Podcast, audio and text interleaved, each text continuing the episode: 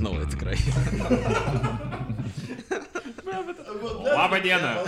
Reikia visada ant pakmo įrašinėti. A, jo, daug. Labiau Sveiki prisijungę, mėly mūsų klausytojai, kad ir kiek jūsų ten yra. Sveikinamės mes iš savo nepakartojamos Šiaurės miestelio studijos. Su jumis šiuo metu kalba Vilius. Šalia mane sėdi nuostabusis Tomas, Buenos dias. nepakartojamas Povilas Sveiki. Ir vienintelis Aivaras. Priviet. Šiandien susidursim su mano pamėgta tema, tai yra NSO. Grįžtam prie ateivių. Tiksliau, ne ateivių, nes čia labai didelis skirtumas iš tikrųjų, tai šitai. Bet mums tenka pakeisti pavadinimą, nes jie jau nesivadina NSO.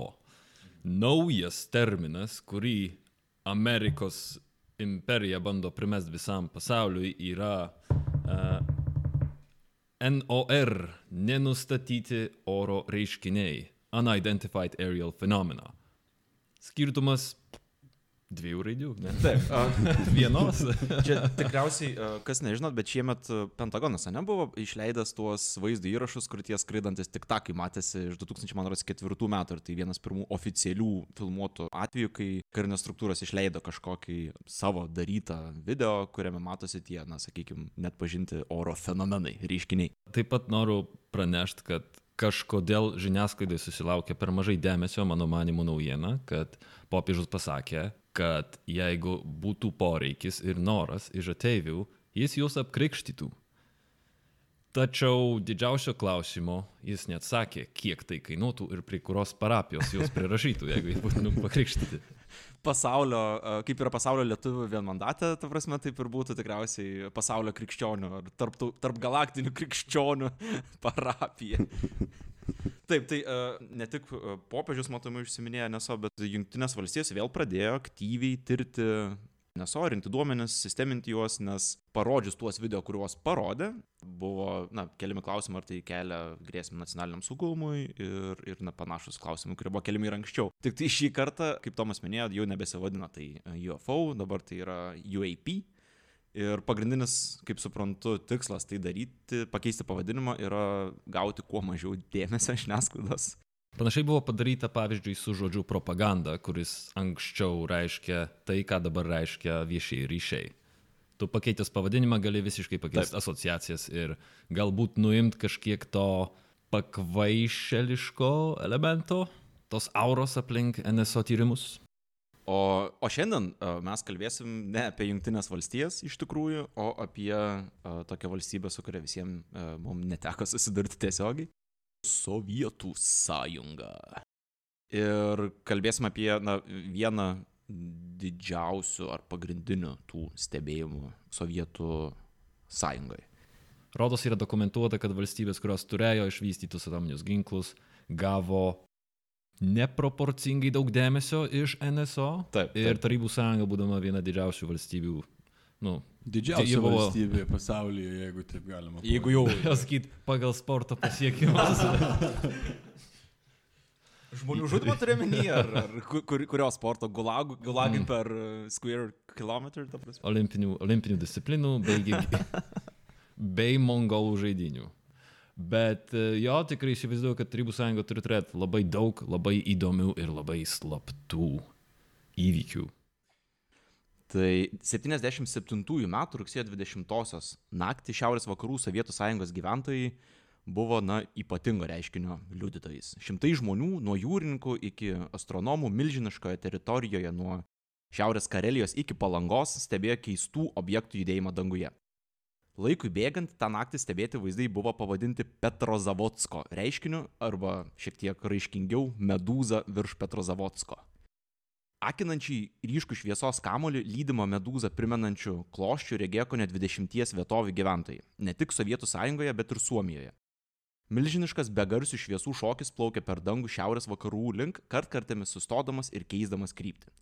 Petrozavodsko Karelijos autonominės respublikos sostinės pavadinimas įvykiui prilipo, nes įstabiausias šou buvo parodytas būtent šio miesto, tuomet glaudus apie 200-220 tūkstančių sielų gyventojų. Įvykio būtų pakankamai didelio, nes jo negalėjo ignoruoti net sovietinė, na, žiniasklaida nepavadinsiu, bet na, sovietinė propaganda apie tai irgi rašė. Apie reiškinį sužinojęs žymus to meto ufologas, apie kurį mes jau irgi esam kalbėję, Alenas Zainikas, pareiškė, kad būtent Petrozavodsko medūza yra nenuginčiamas NSO egzistavimo už geležinės uždangos įrodymas. Nenuginčiamas turiu omeny, kad e, kažkas daugiau pamatė šitą, ar tai buvo, važiuoju, iš Suomių kažkokia informacija arba Norvegų. Labiau buvo susijęs su tuo, kad sovietai ilgą laiką iš viso neigia, kad NSO kaip reiškinys egzistuoja. Tai negana to, e, ne tik, kad jis buvo didelis ir e, parodė, kad NSO už, už geležinės uždangas yra, bet dėl šito įvykio prasidėjo pirmas ir vienintelis oficialus na, NSO stebėjimų tyrimas, kuris be pertraukų tęsiasi iki pat Sovietų sąjungos griūties. Bet žmonės kolektyviai tiesiog matė tą patį nepaaiškinamą dalyką. Tai jeigu tai... Ar tu gali iš karto, jeigu tu matei ir nesupratai, kas tai yra, ir tiesiog daug žmonių tai matė, ar tai jau iš karto galima vadinti... Ar tai buvo vadinama ateiviais, ar tiesiog, kad... Ne, ne, čia yra- NSO, NSO. Čia Okay. okay. kalba yra apie net pažintą oro objektą ir jeigu neklysiu, Sovietų uh, sąjungai tuos reiškinius vadino paranormaliais. Ta prasme, oficialus terminas buvo paranormalu. Tai aš nežinau, rusų kalboje tai yra...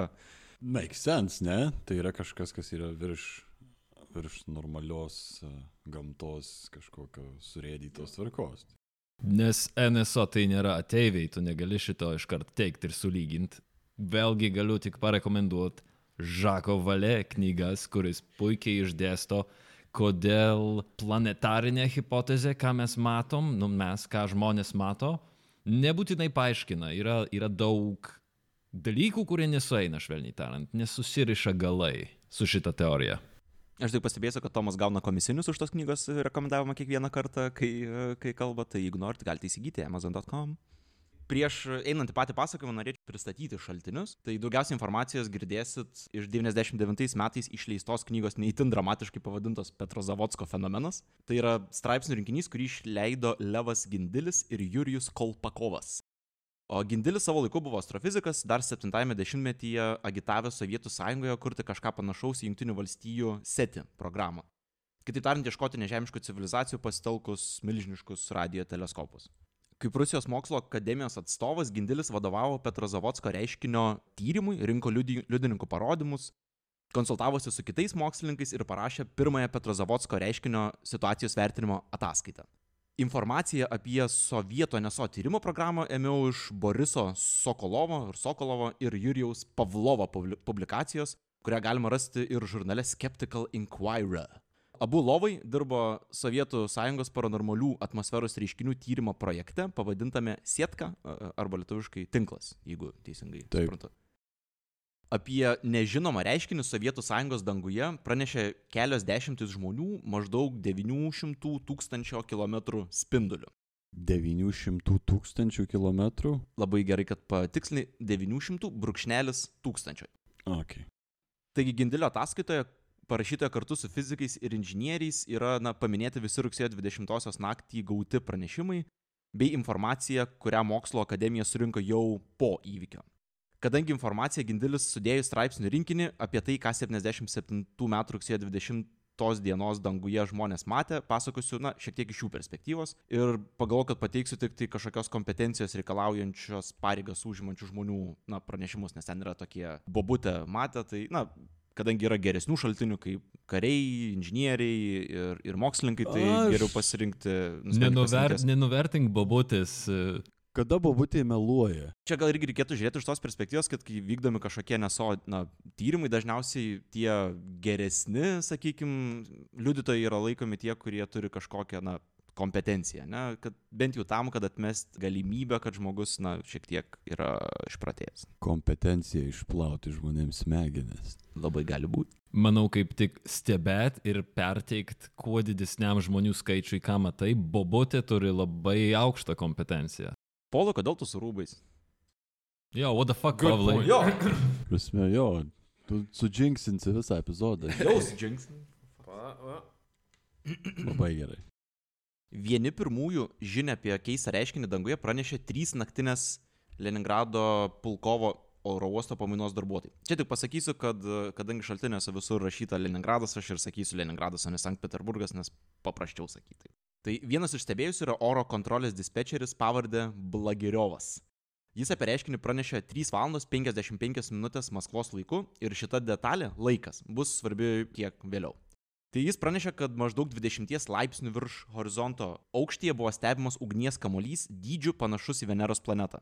Kurią valandą, ko, kokiu laiku? Be 5-4 naktį, be 5-4 naktį. Tai čia ir pat rytas. Taip. Visi miega. Taip. Nepaisant to, kad visi miega pakankamai nemažai mačiusių buvo. Tai objektą, kuris buvo dydžiu panašus į Veneros planetą, supo šviečiantis keutas, o šviesa buvo tokia ryški, kad įžiebė visą naktinį dangų. Blagiriovui šviesa, kaip jis pats apibūdino, buvo neįtikėtinai graži, gražesnė už bet kokią jo matytą šiaurės pašvaistę. O. Minėta keuta į kelias lygias dalis skėlė aiškiai matomos visiškai tiesios linijos. Šviesios danguje nebuvo statiškos, pulsavo. Itin šviesus taškas danguje metė šviesą savo už nugaros, simetriškai padalindamas šviečiantį keutą. Stebėjimo pradžia NSO skrido iš šiaurės rytus į šiaurės vakarus, tačiau Blagiriovas pasakoja, kad stebimas objektas netikėtai pasuko į šoną ir sustojo kaboti ore. Po mažiau nei minutės šviesos taškas sugrįžo į pirminį kursą ir nuskrido į šiaurės vakarus. Deganti kamuolį supantis keutas visą laiką plėtėsi ir danguje atrodė įtin didelis. Kiti du apie įvykį pranešę oro uosto darbuotojai įvardijo tą patį stebėjimo pradžios laiką kaip ir Blagiriovas, apibūdino posūkį, sustojimą. Paklaustas, ar galėtų įvardinti, kokio dydžio objektas buvo, vienas jų te atsakė, kad šviesa įžiebė visą matomą dangų, nelik būtų diena. Ir 10 minučių po ketvirtos objektas dingo, radaruose nieko nebuvo fiksuojama. Tai reiškia, pakol kas mes turim pirmo laipsnio kontaktą, ar ne? Taip. Šviesos, kurios yra pakankamai arti, kad galima būtų pasakyti, kad ten yra kažkoks oro laivas. Maždaug ketvirtą valandą nakties Leningrado jūrų uosto administracijos darbuotojai pastebėjo šviesų cilindro formos objektą besileidžiantį link horizonto. Per žiūronų stebimas NSO į visas puses skleidė baltos šviesos spindulius, kurie formavo paskui sekančią šviesos paklodę. Tuo pat metu netoli krentančio objekto pastebėta penkios šviesos arkos, kurios kilo iš horizonto ir pasiskirstė į visas puses. Visas reginys truko maždaug 25 minutės, kol skrendantis objektas pasislėpė už ant Nevos upės krašto stovinčių pastatų. Tai dangui matosi tiesiog geometrinės, stereometrinės formos, Taip. kurios paskui palieka po savęs pašvaistę, ar Ne, ne, e, tai yra šviesa, kuri keliauja kartu su objektu. Tai įsivaizduokim tašką, labai labai labai labai ryškų tašką, paskui kurį eina kaip, e, na, skėčio lietsargio formos objektas. O pats NSO yra to lietsargio pačiam virštiniam taške. Ne? Ir iš jo išeina tos e, linijos sujungiančios audeklą, audeklas būtų šviesos. Ir visa tai juda kartu, ta prasme nėra, kad tos šviesos yra atmestos kažkaip. Aš įsivaizduoju, oro uosto darbuotojai yra gan kredibilus stebėtojai, raportuotojai tokio dalyko. Taip, e, nežinau, kas buvo tie kiti du stebėtojai, bet e, oro uoste būtent vienas e, stebėtojų buvo dispečeris, ta prasme, tai jis yra na, Mhm. susidūręs su skraidančiais objektais dangu ir pakankamai nemažo miesto. Greta Leningrado buvusiame karinėme dalinėje buvę kariškiai pranešė ketvirtą ryto matę keistą reiškinį danguje. Pasak jų, ten keistai judėjo žvaigždė, kuri bežiūrint pradėjo visas pusės kleisti šviesos spindulius, kol galiausiai iš jų aplink žvaigždę susiformavo keutas. Stebėtojai aiškino, kad bendras vaizdas danguje kažkiek priminė milžinišką medūzą. Praėjus kelioms minutėms žvaigždė nuo medūzos atsiskyrė ir pradėjo leistis žemyn. Tai nuo to skėčio, sakykime, vienas objektas atkrito ir pradėjo eiti kitur. Besileidžiant iš apskritimo liko puslankis, jos spalva iš baltos tapo oranžinė. Kaip ir kiti stebėtojai, kariškiai pranešė matę, kaip objektas sustojo ore ir kurį laiką tiesiog kabėjo visiškai nejudėdamas. Šiek tiek einant toliau nuo Leningrado, nes na, buvo matyta tikrai ne tik ten, tai už 200 km į šiaurę nuo miesto reiškinį matė ir aprašė Sovietų Sąjungos mokslo akademijos narys inžinierius pavardė Novožilovas. Jis paryčiais atokioje autobusų stotelėje laukė pirmo autobuso į gretimą miestą. Jis pats buvo kurioki gyvenvietėje. Vėlgi atleiskit už tarimą, nežinau kaip ten tiksliai ver, versti ar, ar sakyti. Tai jam bestovint stoteliai dėmesį atkreipė šviesos danguje, kurias jis palaikė krentančių meteoritų iš tikrųjų. Tačiau tariamas meteoritas sustojo danguje, apsisuko ir plėsdamasis į šonus pradėjo judėti į jo pusę, link Novožilovo paties. Objektas atrodė šešiakampis, primenantis lėktuvą, o aplink jį matėsi labai labai ryškios šviesos, kurias su pagrindiniu objektu jungia šonkaulį, kaip jis įvardė. Na, tai vėlgi kaip skėčio būtų tos stipinukai. Tai galim įsivaizduoti ryškę šviesą ir nuo jos besitęsiančias kelias simetriškas linijas, kurias tarpusavėje jungia peršviečiama paklodė. Šios galai taip, atrodė, taip pat atrodė sujungti tarpusavėje. Ir iš to apibūdinimo man susidaro vaizdas, kaip ir sakiau, kad objektas, na, išskleistas skėtis danguje, kuris labai labai ryškus. Novažilovas aiškino, kad skėčio galai atrodė tarsi turintis langus, kurie iš vidaus būtų kažkuo pridengti. Tai matėsi angos, kurios buvo kiek tamsesnės nei likęs objektas, iš ko ir atrodė, kad na, buvo langai. Pats objektas buvo milžiniškas. Pasak jo, prieartėjus objektui atrodė, kad jo ilgis būtų maždaug 100 metrų, o plotis 15 metrų. O skrido gal pusės kilometro ar tai kilometro aukštyje. Tai geresniam susivokimui 100 metrų aukščio yra tas baisus pastatas Konstitucijos prospekte pavadinimu Arfa, žinot, tas, kur ilgai stovėjo nebaigtas. Tai tokio dydžio objektas, na, ilgio danguje. Tai pats reginys Novažilovo išgazino tiek, kad jis atsigulė ant žemės, pamatęs tą, tą objektą. Pasak jo, baltas kamuolys nuo skėčio atsiskyrė ir nuskrido link miško, o likusi objekto dalis tęsė kelionę iš rytų į vakarus. Išsigando net tiek, kad atsigulė. Iš, baimės Taip. atsigulė. Taip, jis pamatė objektą dangui ir išsigandęs prigulė, na, kad pasislėptų tikriausiai, ir- nes jis vienintelis, na, žmogus aplink jį buvo ir jam tikriausiai pasirodė baisu, kad jį paims ar ką padarys, nežinau. Ketvirtą ryto vienas. Autobusų stotelį, man jį. Ko čia gulit? Tu nepatikėsi. Tuo metu atsiskyrusi Neso dalis už gretimo miško nusileido ant žemės, pasak Novožilovo.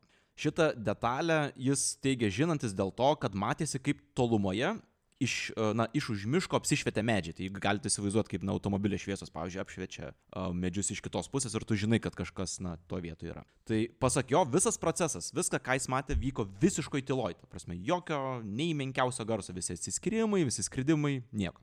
Jis e, po to iš kažkur susirado porą žmonių dar, kaip rašo, rado porą dar stebėtojų, nežinau, iš, iš kur jis juos gavo tam parčiais, bet uh, gavo. nu kur, nu, autobusų stotelėje buvo. Jo, kažkur aplinkui mėtės, nu, nuo šalioj. Daugiau buvo gulinčių iš baimės. Tikriausiai. Aš žiūrėjau per Google Maps tą vietą, maždaug, kuris turėjo stovėti, yra, na, miškas, e, yra ten e, gatvė ir šalia yra e, didelis tvenkinys. Tai atrodo pakankamai, nu, miestelis yra netoli, bet ten kaimelis, ne, ne miestelis, sakykim. Tai pakankamai nuotoli vieta. Tai tas faktas, kad jis rado dar, rado dar keli žmonės, tai visai, na, įdomu yra, sakykim, kaip minimum. Krūmuose iš baimės, jeigu guli. Gali būti, gali būti. Bet, na, pakilę ant e, kalnelio, nuėjo pažiūrėti, kas, kas ten buvo, jie matė šviesą ant žemės tolumoje, kurią jis ir bandė nufotografuoti, nes turėjo su savim šituo metu kuprinę. Bet netikėtai, žinoma, kaip visada, nuotraukos, na, neišėjo. Šiaip įdomu buvo ataskaita, nes jis buvo parašęs visas kameros techninės specifikacijas, GOST numerį ir visus, visus kitus dalykus. Ir Įdomu tikriausiai, kad Novožilovas yra vienintelis teigęs, kad po šio reiškinio kelias dienas labai prastai jautėsi, buvo nualpęs antrą, trečią ir ketvirtą dienas po įvykio. Ir, na, jis yra arčiausiai objektą matęs liudininkas, nes realiai virš jo galvos tiesiog praskriduris galėjo įvertinti jo dydį uh, objektyviai. Apie keistas šviesas danguje pranešė ir Helsinkio policijos patruliai, tai yra 300 km šiaurės vakarus nuo Leningrado. Suomijos laikraščių Ilta Sanomat ir Kansan Uttiset duomenimis policininkai apie reiškinį kolegoms užsiminė per raciją, o kitose miesto vietose buvo patruliai patvirtino matantis tą patį. Kitą dieną pareigūnų žurnalistams pasakoja matę labai ryškų degantį ugnies kamolį, judantį į šiaurę.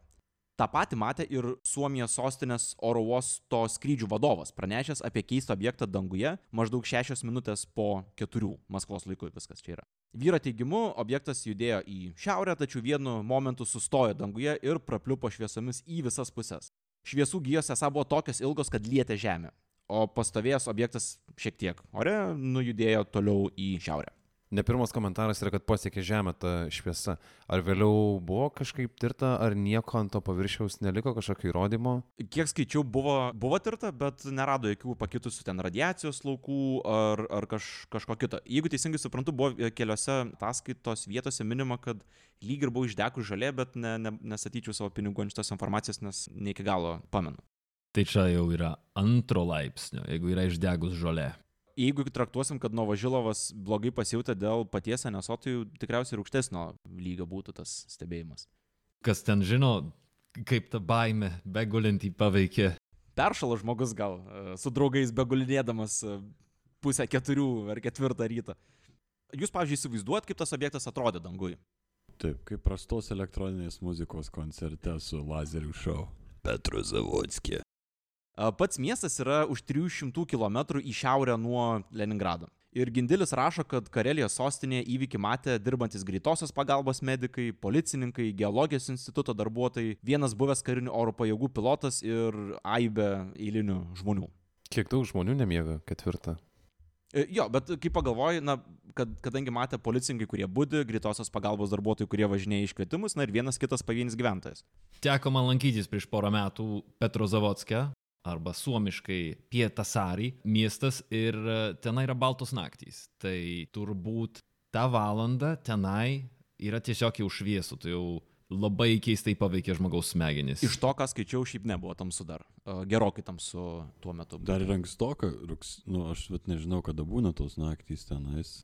Nes, na, ar ne yra anksti rugsėjai dar joms. O gal iš tikrųjų rugsėjo mėnesį ten jau yra gana normalizuotas dienos ir nakties ciklas.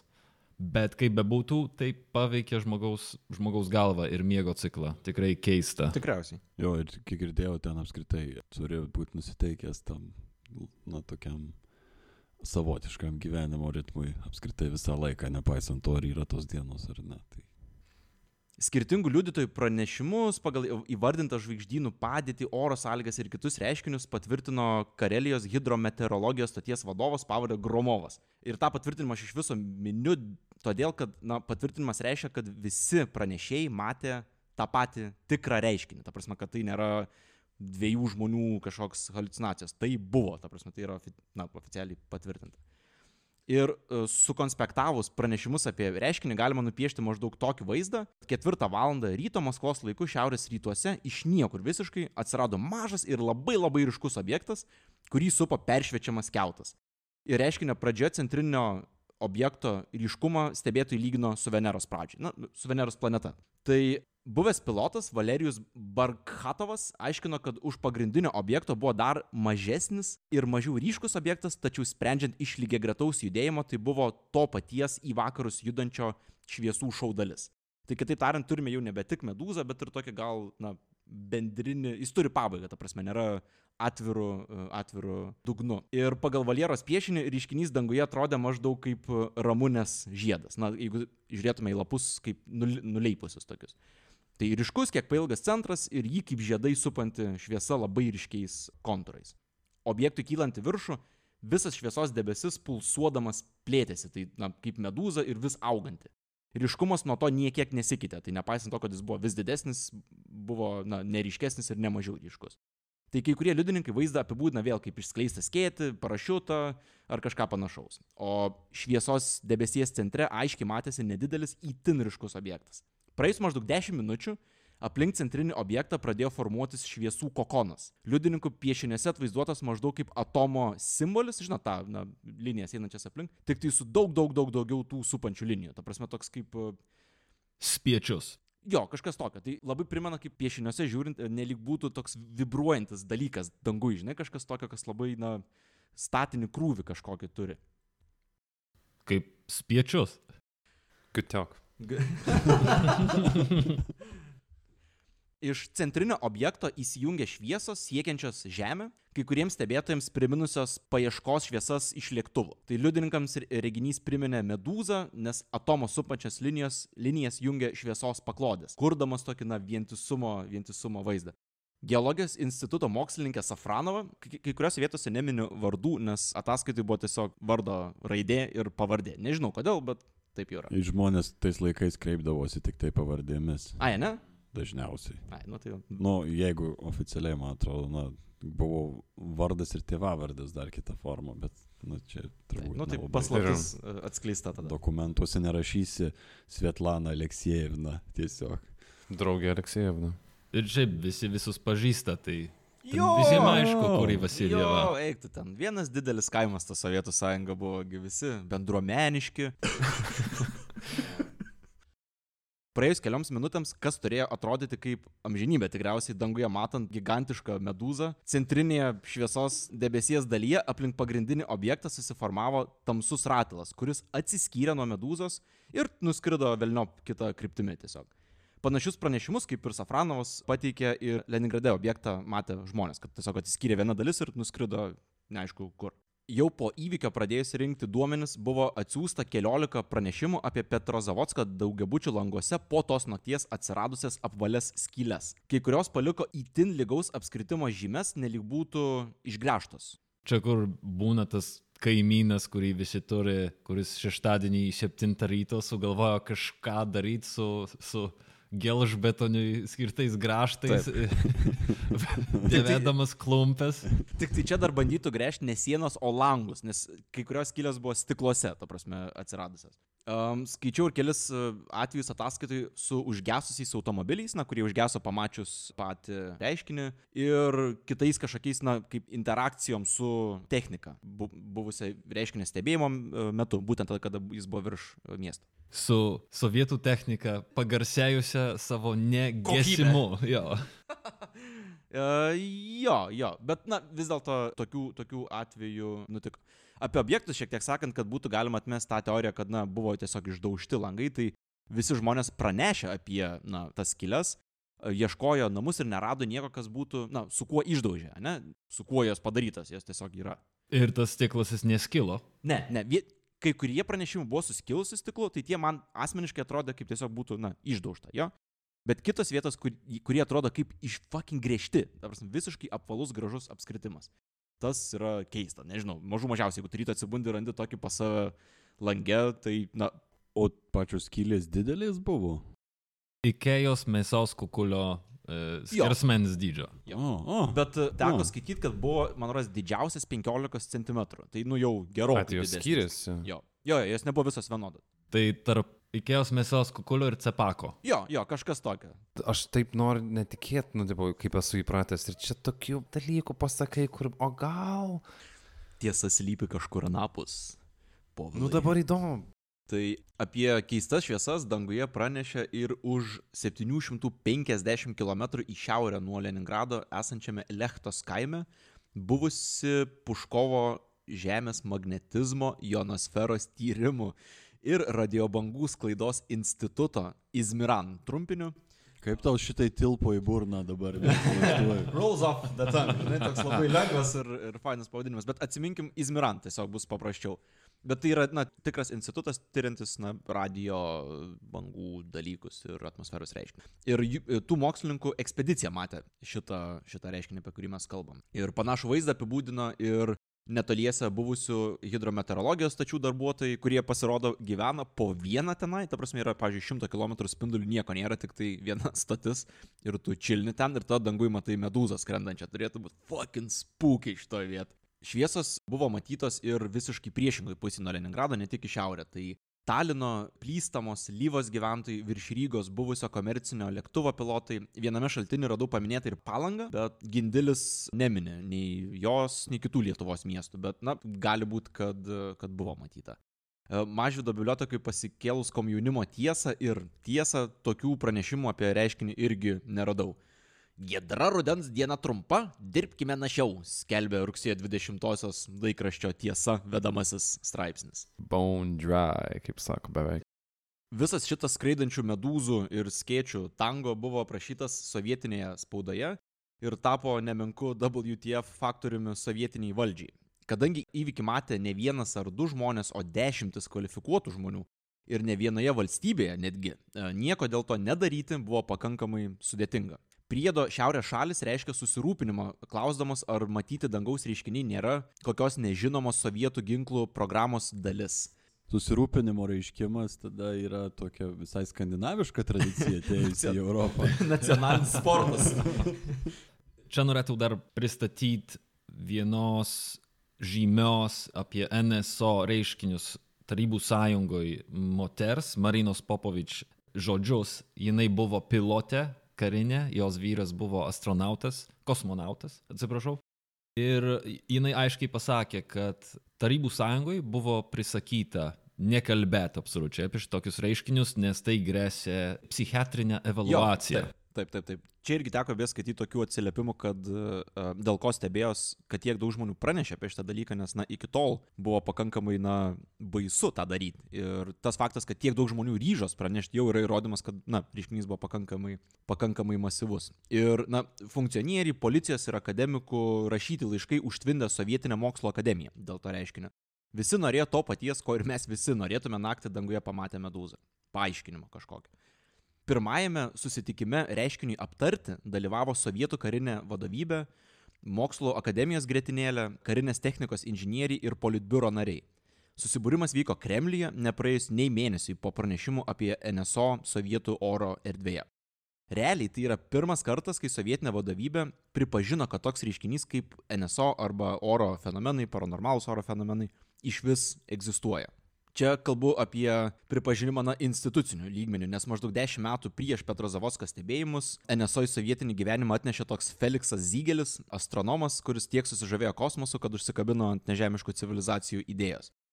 Ir jo straipsnis Pravdui apie NSO Amerikoje buvo laikomas pirmoji ženklu, jog terminas NSO iš viso egzistuoja Sovietų sąjungai. Tai bet, bet kuriuo atveju, susitikimo Kremliuje metu leitenantas generolas Kijasovas perskaitė Mokslo akademijos vadovo laišką, davusi pradžią Sovietų sąjungos NSO tyrimams. Tai cituoju. Tarybų sąjungos mokslo akademija negali nei ignoruoti, nei paaiškinti paranormalių reiškinių, kurie buvo stebėti 77 rugsėjį Petro Zavotske. Todėl prašome pradėti detalų paranormalių atmosferos reiškinių tyrimą kuriame dalyvautų gynybos ministerija ir karinis industrijos komisija. Jis kokis su, sloga. Ir, na, pagrindinis šio susitikimo rezultatas buvo penkmečio plano atnaujinimas, kuriame atsirado programa pavadinimu Sietka. Tai pats projektas buvo perskeltas į dvi dalis - gynybos ministerijos kūruojama Sietka MO, Sietka Minoboron ir mokslo akademijos Sietka AN, tai Sietka Akademijai Nauk nežinau, nei, nei trupučio ką reiškia. Vienas yra apsaugos ministerija, kitas yra mokslininkai. Ai, okay. tai... Ir niekieno nenustebins tikriausiai, bet gynybos ministerija domėjosi, kaip paranormalūs atmosferos reiškiniai gali paveikti karinės struktūras, o mokslo akademija domėjosi, kodėl tokie reiškiniai iš viso atsiranda. Ir esminis skirtumas tarp šių projektų dalių yra informacijos šaltiniai. Tai Sietka MO rinkai ir analizavo su karinėmis struktūromis susijusią medžiagą, o Sietka AN civilių pranešimus. Nors po 77 metų nebuvo na, nei vieno sustikimo, kuriame NSO klausimai būtų aptariami tokio aukšto lygio pareigūnų, pats Sietka projektas buvo pratestas ir 81 ir 86 penkmečio planuose. Na tai jis buvo tiesiog gyvas toliau. Žinoma, programa buvo įslaptinta, o siekiant paslapti išlaikyti, Sietka buvo pervadinta į galaktiką, o vėliau į horizontą. Bet, pažiūrėjau, skirtingai nei Amerikai buvo su Project Sign arba Project Grudge ar Project Blue Book, keičiantis pavadinimams nekito personalas. Ta prasme, jie tiesiog kaitaliojo pavadinimą tam, kad išlaikyti paslaptį, sakykim taip. Ar 77 metai jau yra tie metai, kai yra daromos kažkokios aerial nuotraukos? O jo, jo, tai aerial nuotraukos ir per antrą pasaulinį karą jau. jau taip, taip, bet ar jos ir, nu, pavyzdžiui, amerikiečiai su, aš neįsivaizduoju tuo metu, koks buvo lygis tokių nuotraukų, bet jokios medžiagos nėra. Ateisim iki to, buvo ir, ir, ir, ir šiek tiek papasakosim. Bet e, kol kas dar apie, na, Sietkos tyrimus, kurie irgi nebuvo niekiniai. Tai Sietka MO veikia pagrindinėme Sovietų Sąjungos karinių tyrimų institute Pamaskvėje. Moksliniais konsultantais buvo pripažinti tuo metu ekspertai, pavyzdžiui, radio bangų spinduliuotas profesorius Balašovas, kuris, kaip suprantu, buvo žinomas, na, ne tik Sovietų Sąjungoje, bet ir tarptautinis e, ekspertas. Tai visa didžiulė radio bangų spinduliuotės ekspertų bendruomenė pripažino Balašovą iš visų tų, iš visų tų 17, bet Balašovas buvo išskirtinis. Taip. Sietka AN pagrindinis mokslinis konsultantas buvo jau minėto Izmirano direktorius Migulinas kuris buvo irgi radio bangų ekspertas. Tai e, Migulino iniciatyva sukurta komanda iš mokslų akademijos narių, hidrometeorologijos komitetų ir švietimo ministerijos, o komandai vadovavo Jurijus Pavlovas, kurio publikacija ir remiamės, na, kalbėdami apie patį Sietką projektą. Tai lyginant su geriau žinomais Javineso tyrimais, stebina, kokiamis nuostatomis rėmėsi sovietinės programos kuriejai. Kaip ir už Atlanto pagrindinis informacijos šaltinis apie NSO yra, na, žinoma, žmonių pranešimai. Bet skirtingai nei JAV Melinosios knygos projektas, projekto metu Sietka laikėsi nuostatos, kad kiekvieną pranešimą reikia vertinti vienodai rimtai. Nes, nepaisant to, kas tokie yra pranešėjai, jie, cituoju, ten nori suprasti tai, ką matė. Požiūris į patį pranešėją, sakykime, kur kas teigiamesnis negu vėlesnėse stadijose Amerikos tyrimų. Leis pasitikslyt. Vienu metu vyko karinis ir mokslinis tyrimas. Taip. Taip. Ir jie vienas kitam trukdė, Ne, padėjo jie e, komunikavo, atskirai. komunikavo tarpusavį, jie buvo atskirti dėl šaltinių ir dėl panaudojimo informacijos, kas būtų, jeigu, na, išsiaiškintum. Ir ten buvo, na, nenustebinsiu irgi nieko, kad sovietinių požiūrį, jeigu būtų atrastos technologijos, kurios yra nežemiškų, nu, nežemiškų civilizacijų sukurtos, juodam balto parašyta, turi būti naudojamas Sovietų sąjungos kariniai pramoniai. Ta prasme, jeigu rasit kažką, ne mokslininkų mūsų yra šitas iš, na, gynybos perspektyvos žiūrint.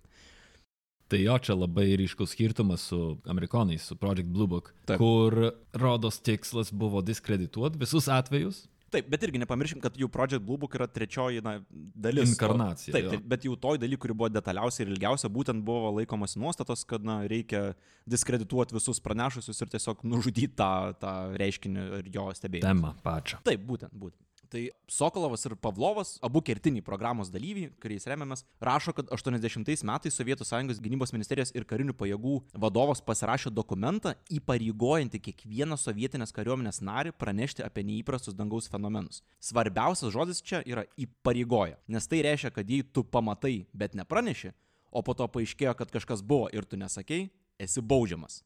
Kiek teko skaityti, per na, 13 metų nuolatos traukiantis finansams ir personalui buvo ištirta per 3000 skirtingų pranešimų apie NSO. Sovietai dėmesį kreipdavo tik į tokius atvejus, kuomet buvo daugiau negu vienas stebėtojas. Tai visi pavieniai stebėtojai buvo, na, nurašomi tiesiog.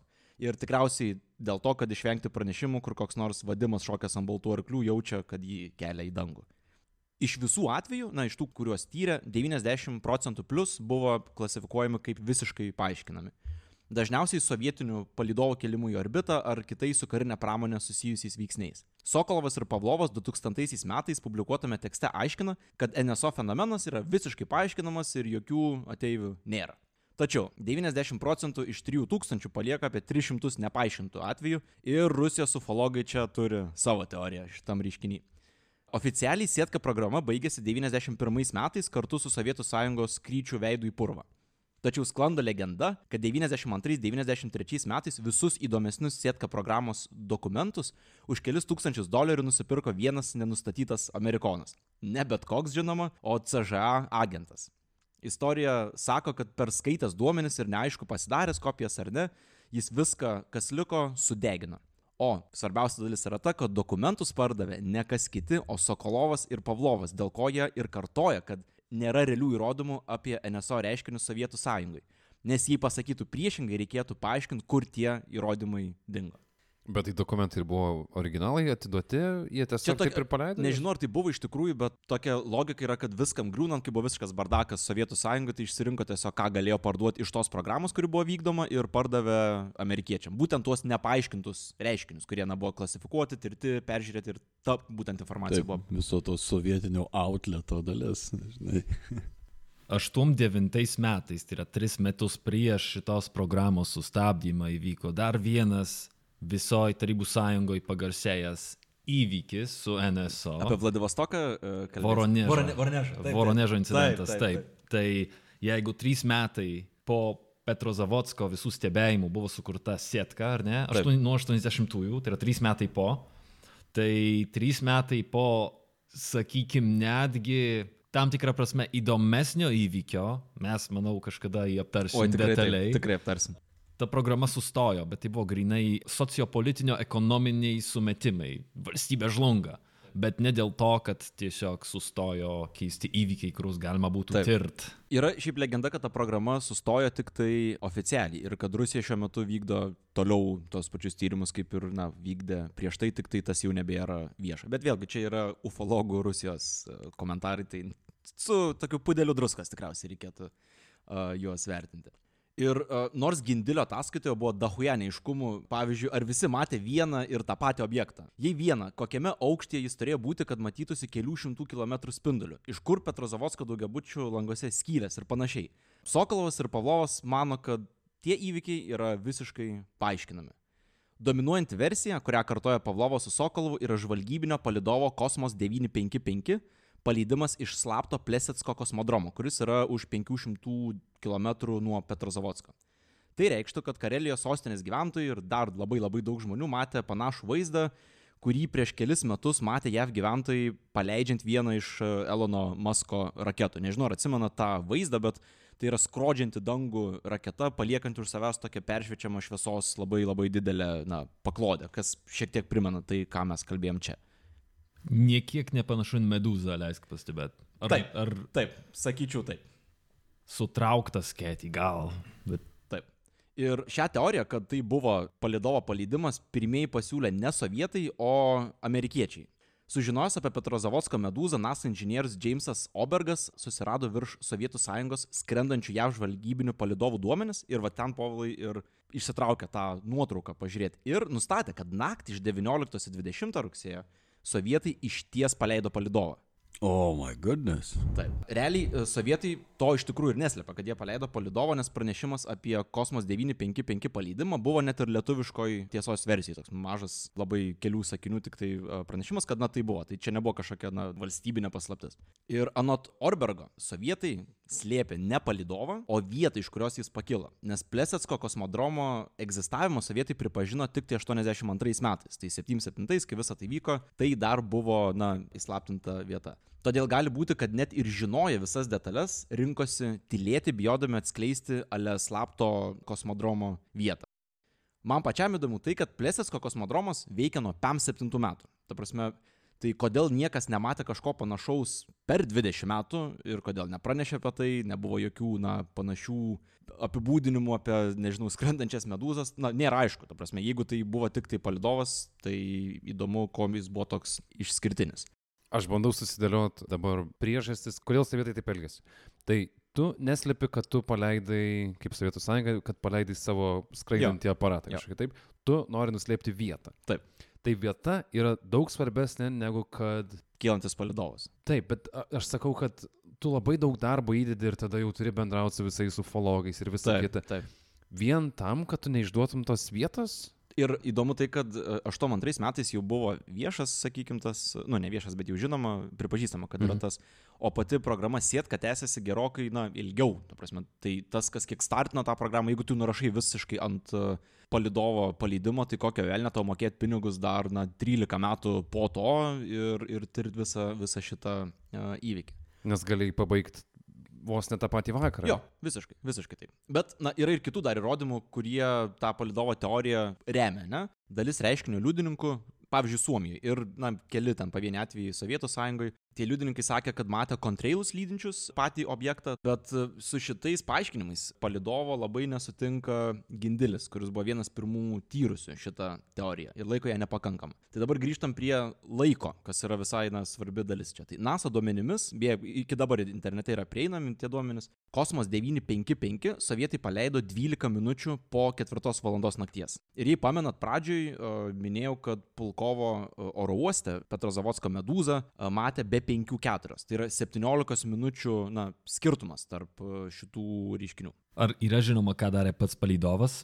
Uh, Pats palidovas buvo įvardintas kaip moksliniais tikslais, bet sugriuvus Sovietų sąjungai paaiškėjo, kad tai yra uh, šnipinėjimo palidovas.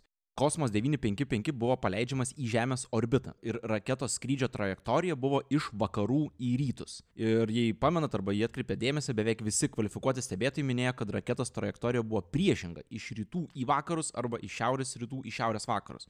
Tai na, raketos paleidžiamas ta, ta pusė e, iš iš vakarų į rytus dėl Žemės sukimosi, ta prasme, taip yra tiesiog paprasčiau daryti ir niekas ne, ne, nesiūstų į priešingą pusę iš to, to reiškinio.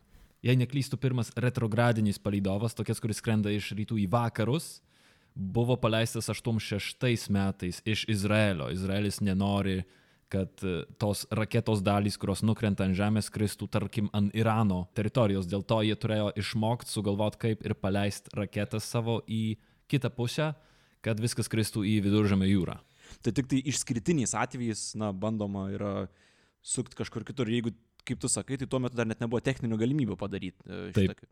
Negana to, daugiau nei vienas stebėtojas skirtingose vietose stebėjo medūzą sustojant vietoje ir po to keičiant kryptį. Tai žinia, į orbitą leidžiamos raketos tokių manevrų nedaro, ypatingai sustojimo.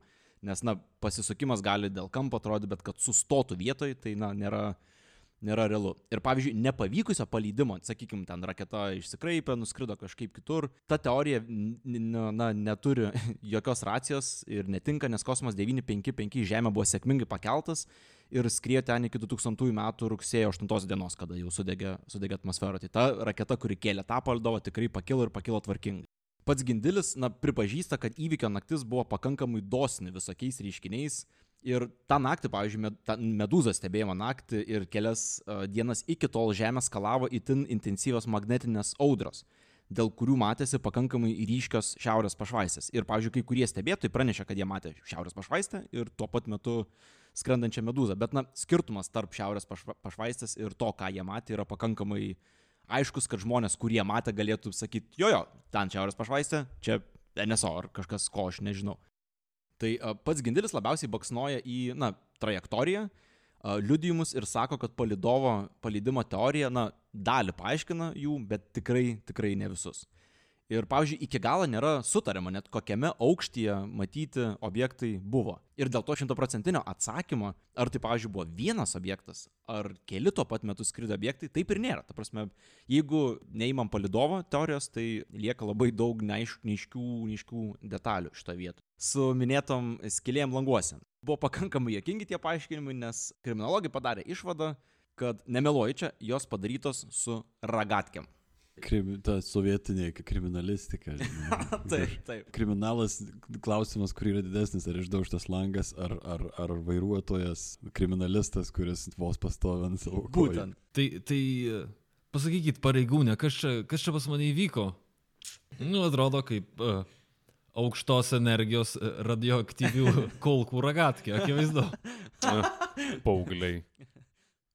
Tai ir kai jau, na, atrodo, kad mes čia po truputį suprantam, kas vyksta, gal čia palidovas, gal keli ryškiniai vieną naktį, miškas biški sutankėja šitoje vietoje.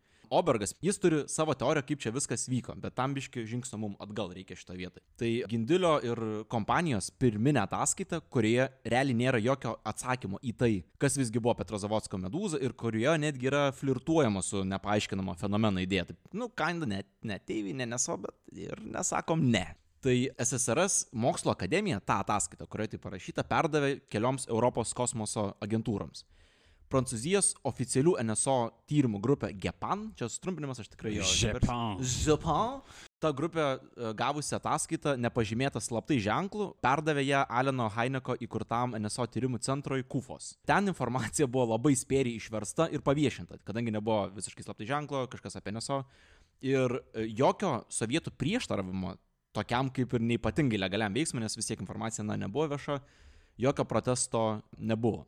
Ir Obergo manimu toks ir buvo Gindiliaus ir Kremlius tikslas - patekti viešąją erdvę, sukuriant naratyvą, kad Petrozavodskė buvo matomas NSO. Kitaip tariant, nuo užsienio ir savo gyventojų užmaskuoti bet kokius atliekamus bandymus, kaip NSO, jeigu tai ir pasitaikytų. Ar moderniau tariant, ta prasme, skleisti dezinformaciją tiesiog.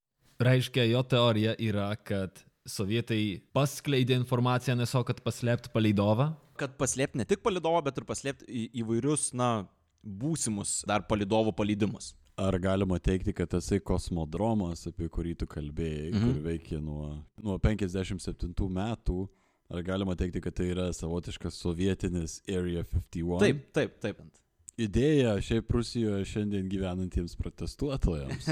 taip. Šiaip beje, tą kosmodromą Plesetsko šiuo metu naudojo Europos kosmoso agentūra ir tikrai ne vienas NASA astronautas iš ten yra, na, kilęs į tarptautinę kosmoso stotį. Tai jis visiškai šiuo metu jau nebėra tikrai, tikrai niekaip slaptas. Ir nepaisant to, kad Obergas mano, kad tai yra dezinformacija arba ten ir kalbama apie tai, kad tai galėjo būti palidovo palydimas, Gindilis iki pat pabaigos savo gyvenimo neigia, kad Petrozavodsko medūzos reiškinys yra paaiškintas. Net kai sugriuvo Sovietų sąjunga ir kai lyg ir nebebuvo priežasties jam laikytis, sakykime, oficialios dezinformacinės linijos kažkokios. Tai paties Gindilio manimu, normalus tyrimas, kreipiantis dėmesį į visas pasitaikiusias anomalijas, taip ir nebuvo atliktas. Jo vertinimu tai yra na, nebaigtinis tyrimas. Ir jau griuvus Sovietų sąjungai buvo toks jo įdomus pastebėjimas, kad nepaisant to, kad atsirado laisva spauda, na, 90-ų Rusijai, sakykime, tai dar labiau apsunkino bet kokias galimybės NSO tirti, nes dingo savicenzūra žmonių, kreipiantis dėl NSO stebėjimų. Ir pasak jo, na, jis mano, kad niekada taip ir nebus kažkokio atsakymo mm, aiškaus iš tą dalyką, nes tuo metu bent jau kol jis dar buvo gyvas, Rusijos valdžia buvo visiškai nenusiteikus ne, ne tyrinėti tą reiškinį iki galo. Wow! Wow. Šiaip tai ir labai įdomus atvejis. Bet ar tyrimas pažymėtas kaip baigtas? Iš Rusijos, nu, iš Sovietų sąjungos pusės tuometinė, sakykime, buvo ta nuostata, kad tai tikriausiai kaip satelito palydimą traktuot, bet su tuo nesutiko visi tiek tyrę mokslininkai, mhm. Gindilis pats, žinoma, nesutiko ir uh, liko tie neatsakyti klausimai, na, žiončios kilės, kaip, kaip minėjau, dėl trajektorijų ir kitų dalykų. Tai nu, tam paaiškinimo tiesiog nebuvo. Oficialiai priimama, kad, sakykim, kosmos 955 palydimas, o kodėl yra tie pranešimai, nežinoma. Incidentas pradėjęs gilesnius tyrimus visoji Tarybų sąjungoje. Labai svarbu turbūt visoji šitoj e, ufologijos srity rusų svarbi data - 77-ieji. Taip, ne? tūkstančiai taip. šviesų, šviečianti medūza. Taip. Ir, ir, ir žmonės krentantys iš baimės, kaip musės. Novožilovas e, gerbiamas. Turbūt vienintelė prielaida, kurios man reikia klausant tavęs, yra, kad tie žmonės nemeluoja, kad jie matė kažką. Taip, tas faktas. Ir, tikrai. Ir jų matė. aprašymas yra tai, ką jie iš tikro matė, o ne kažkas, ką jie išsigalvojo, kad matė nes gal, galbūt galėjo pamatyti tą patį palydovą, bet aprašyti jį netiksliai, bet panašu, kad e, jei liudininkų buvo šimtai. Taip. Ir šitoje situacijoje padeda, kad skirtingose šalyse dar buvo tai galėtum nepasitikėti Sovietų sąjungą, bet Suomija kaip ir nemeluotų matydama tokį. Taip, taip. Reiškinį. Suomija labai greitai nurašė viską bei ant satelito, ta prasme, pas juos buvo labai paprasta ir aišku viskas, ta prasme, realiai kitą dieną jau sakė, čia palidovas ir nieko mes daugiau ten neklausim, mums neįdomu. Kitų reikalų turim. Taip, taip, užsi, užsijėmė buvo. Tikriausiai. Kelkis, vartoti. Kelkis nieko tu nematėjai, viskas čia gerai. taip. Tai ką, tikriausiai ačiū e, visiems mūsų e, klausytėms keturiems. Bent jau, nes mes keturiesi čia sėdim. Tai... Pradėjom su aštuoniais. ja, kas išklausėte iki galo, tai labai fain. Dos vidanie. Buenas noches. Buenas noches. Buenas noches.